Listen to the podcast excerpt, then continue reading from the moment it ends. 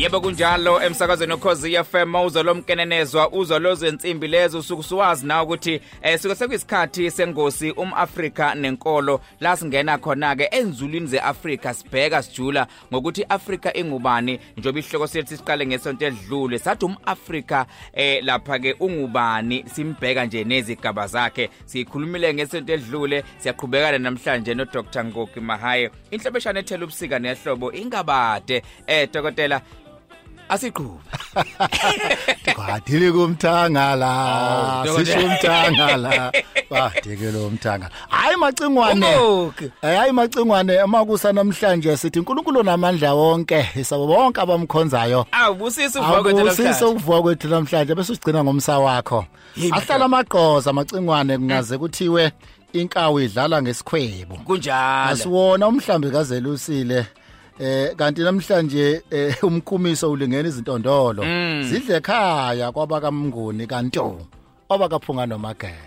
Mnguni kantu kanto isizwe sikaphunga nomageba abantu abansundu macingwane bayinzalo kakhushe ozalwa nguHami indodana yesibili kaNoah singakuthola lokhu kuGenesis 10 verse 1 uNoah wazalwa nguLameke kaMetutshela kaEnoki kaJerete kaKenani kaEnoki kaSeti ka- ka- ka- ka- ka-Adamu.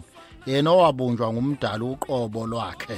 Sakuthola lokhu kuGenesis 5 uGenesis 1 verse 27 noGenesis 2 verse 7 unowa lowo mkhumbi angithi. uNoah lo mkhumbi yena yedwa. Yazike incane uyimvana uyi- uyi- uyimvelaphi yethu. Yebo. Okubuye nje bacunganele zethu uzuyibone kahle namhlanje ngoba sihlubudlube ekhasini. Kunjalo kunjalo.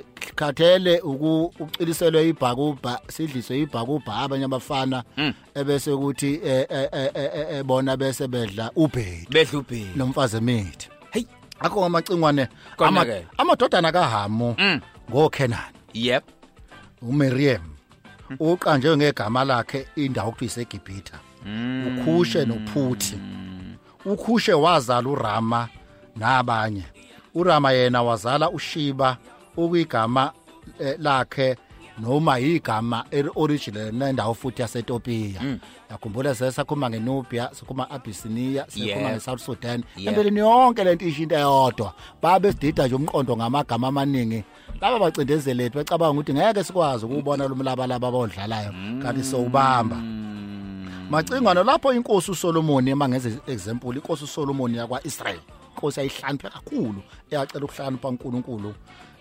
Yathi uma iganwa yaganwa indlovukazi yakhona kwazaleka isizwe samaJuda amnyama aseTopiya Sizwe uSolomon yena yedwa lo. sizwe Hey, samaJuda amnyama Asetopiya. sengikhuluma kakhulu ngeTopiya ngeAbyssinia neNubia neSouth Sudan. Ela eAfrica indlovukazi nayo yabe inebala elimnyama njenguyise nokhokho bayo. Umbuso wasesheba wawusungulwe nguzabhesi eh eh, eh, angabo ngo 1370 before Christ ngaphambi uJesu azalwe. Ya ya- ya- yayaziwa ngo ngo- ngoMakhida osekwathiwa namhlanje the queen of Sheba. Mm. Eh eh eh, isihlalo sobukhosi wasithola ngokushona komfowabo uAksan eh the prince of Naruda eh yabusa iminyaka engamashumi amahlanu phezulu kweTopiya njoba nesilo lesi esibuzile isilo sakithi eh ungangezwe lwakhe ecishwa wabusa iminyaka engamashumi amahlanu. Yep kube kubuya umlando omdala mabethu abantu awu ayike inkosi yakabusa iminyaka engaka isilo. Hayi webuya into into endala eyenzeka lena kwelakithi eTopiya naseGibhitha. So ukuhlangana kwendlovukazi nenkosi uSolomon bazala umfana uMeleki wabusa uMeleki emofunda iBhayibheli zokuthola lokho. Lo mbuso we wombuso wendlu kaSolomon okuthiwa iSolomon dynasty ngo 1262 before Christ wahamba izi wahamba waze waba nezizukulwane eziwu225 ngesikhathi uyise evakashele kwaIsrayeli. Nxa isihamba wayinika amaJuda amaningi ukuze ayesekele embusweni wayo. Lo mbuso wahamba wahamba waze waphela ngo1974 sengizelwe nje mina. Hey madoda uma ngigijima ngifast tracker. Waphela ngo1974 lo mbuso eh eh kaSolomon. Eh ngesikhathi umbusi empire eh eh yaseTopiya uHeli Selassie ekhishwa ebukhosini eTopiya hey. Zolo lokhu 1974 uma ungakhumbula futhi umthenwa eh, owashunyayezwa nguPhilip waphenduka wabhadadiswa eh, eminyakeni engamashumi amathathu uJesu ebethelwe wayengwaseTopia mawukuphika lokho hamba ubheka izenzo 8 verse 27 sengishilo iTopia yithi yithi esiyitopia yithi esiyitopia nazo ke so uJethro futhi umprieste wakwaMidian wayenguyise kaZiphora owaba ngumkhwe kaAmo kaMos owayehlala kwakhe ebalekela uFaro. Wayengumuntu omnyama. Funda incwadi kaExodus 2 verse 15 and verse 21 ungahamba futhi ufunda umthandazo kaIsaya wesabatha umesabeni uJehova zona ezulwane. Igcina imithetho yakhe anilobela yona ngenceku yakhe uMoses. Ukuze ukudumisa kwenu kwamoleke kuthixo emkhosi kwakuthixo lona wayesuke kubantu abamnyama nje wasebamnyama nje. Sikiyeke nje lokhu abantu ebebekusho ngenxa yokushoda eh eh eh kolwazi. Eh eh ngakho ke uMidiane kwakuyindodana kaAbrahama futhi. Eyizala kuKetura omnyama owaseTopia naye futhi uKetura owagana uAbrahama ekufeni komkakhe uSara. Hamba uyofunda incwadi kaGenesis 25 verse 1 ngoba sesi ngoba sesiphunga imkhonto lezindaba eh ngoba sesiphunga imikhonto lezindaba zenza uchibidolo eh eh wentshiswe ngoba kade zibuya inhlanzana emacengwane kumbula ukuthi manje zibuya inhlanzana so asiphinde sikhumbuzane eh eh ninabaka ninabakantu ukuthi siqhamuka enkabeni yezwekazi Afrika endaweni eyaziwa ngeGreat Lakes region. Indawo yamachibi amakhulukazi ihlanganisa le ndawo umacengwane omkhulu iUganda iKenya iTanzania iSudan neBurundi. Engakapheli amachibi indawo lokuyindawo eyodwa le.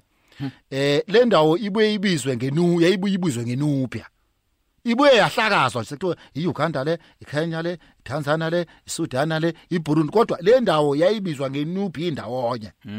iTopia yile ndawo esibizwa ngeSudan namhlanje. Indawo lapho kuqhamuka umfula omkhulu eAfrika okuthiwa iHappy oswabizwa ngeNile namhlanje. Uyisizalo sethu phansi kwentaba iKilimanjaro.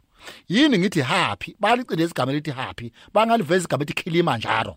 Ngoba ulisho nje Kilimanjaro linabo nje ukubizeka kwegama lesinguni. Yebo Kilimanjaro. Ungathi ukhuluma ngesizulu. Yebo. Uyabo? Ngakho ke macingwane eh singakafika eziyizizwe eh thina sasibizwa ngamabhadari kwakuthiwa singamabhadari. Amabhadari. Amabhadari yiwo amakhushe okuyisona sizwe sokuqala esasungula amasiko. Sasungula isiko impilo sasungula inkolo. Kamvele inqanga. Ukufunda izinkanyezi kwaqala kithi. Babe nemithetho engamashumi amane nane 44 ukufunda leyo mthetho leyo yayisisekelo somuntu. Yiyo lena engumsuka yemithetho elishumi kamdali eseBhayibhelini. Uma uyifunda kahle amaconto sinaso isikhathi bese yabona uyifunda kahle bonke oh imithetho eyishumi uNkulunkulu isamani kude wayethi amayehlisa kule ibhale ebhebheni zamatshe eyinika uMose. Bese ngichazele ngoMose ukuthi wayemnyama. umAfrika lo. umAfrika waseTopia ngakho ke yayisibe imithetho eyishumi. Ngakho amakhushe lawa ayebizwa ngamangoni ngoba babengoni ngenxa yemithetho sikompilo yabo esengibalile ngenhla. Umbuso wabo waqala eNubia eminyakeni eyi2000 ngaphambi uJesu azalwe. Wawusukhona umbuso umbuso wethu thina amaAfrika. Ngoba yayinothe kakhulu indawo yethu iNubia kwathi ngonyaka ka1504 before Christ amaGibhithe aphaka impi indala le impu Jesu engakazalwa ayiphaka impi asinqoba ayidla ifaka ngaphansi kwabo okuthe ngo1750 before Christ sayibuyisa. Ingoba amaGibhithe phela asecoloniziwe esengaphansi kombuso waseRome waseRome ehe. Manje ke labantu laba bakunakho ukuthi ama sebefikile ephathweni bangene kwabanye.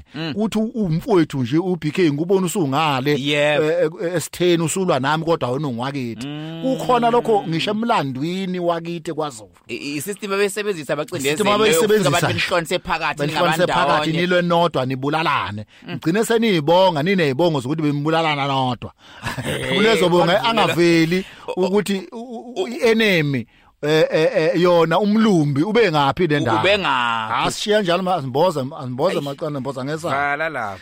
Indawo yaseSahara yayilihlaza ivundile echibi lamanzi. Okwathi ngeminyaka yo 3500 before Christ ichibi lasho la- la- la- la- la- lasha eh, kwavala kwase kuvela ugwadule. Lokhu kwenza inyakatho yezwekazi laseAfrika ixhumane. Kwathi ngo1900 before Christ umbuso wethu wamakhushe wazimela wangabe usaba ngaphansi kweGibhithe. Nokufika kwenkolo yethu yobuKristu yachithe yachitheka indawo yonke. Sifuduka thina ugcine kwathi nge18 century ngesikhathi uJulius Caesar enqoba izwe lasenhla neAfrika. Behla beza ngapha eningizimu Afrika eminyakeni u35 after death. Umbuso wase wase uZum wanqoba iTopia ngawo lo nyaka. Ngayo nyaka futhi kwabe kufika inkolo yobuKristu. Lalesa kahleke geqa izingono. Yeah. Macingwane ngoba ngimamba lapha ngamabomu. Geqa ingono geqa isigonogono sibuya nawe sithi kanye nawe. kanje nathi ngeveke lizayo hey! Acengwane Ah, madoda sifundile sithola okuningi. Eh sikhuluma lapha eh, eh, eh, ngomose omkhonyana eh lapha kaJentro eh ngendodakazi yakhe uZiphora. Eh zi- ziningi into esifundile sifunde ngesizwe ukuthi sisizwe esingoni. Eh eh, eh thina bathi nasizwe sekukhulunywa ngomnguni nje manje ukuthi khona umnguni o- masibuya macengwane ngeveke lizayo ngizongena lapha sengihlakaza bona abanguni ngiyohamba ngoze ngifike kubapedi hayi kodwa sibambe macengwane sithi impanga mpanga ukulala ngomkhono baba. Nansi ingcabayi kuwe mlaleli wogoze FM singama Africa Africa uNkulunkulu busisi Africa God bless Africa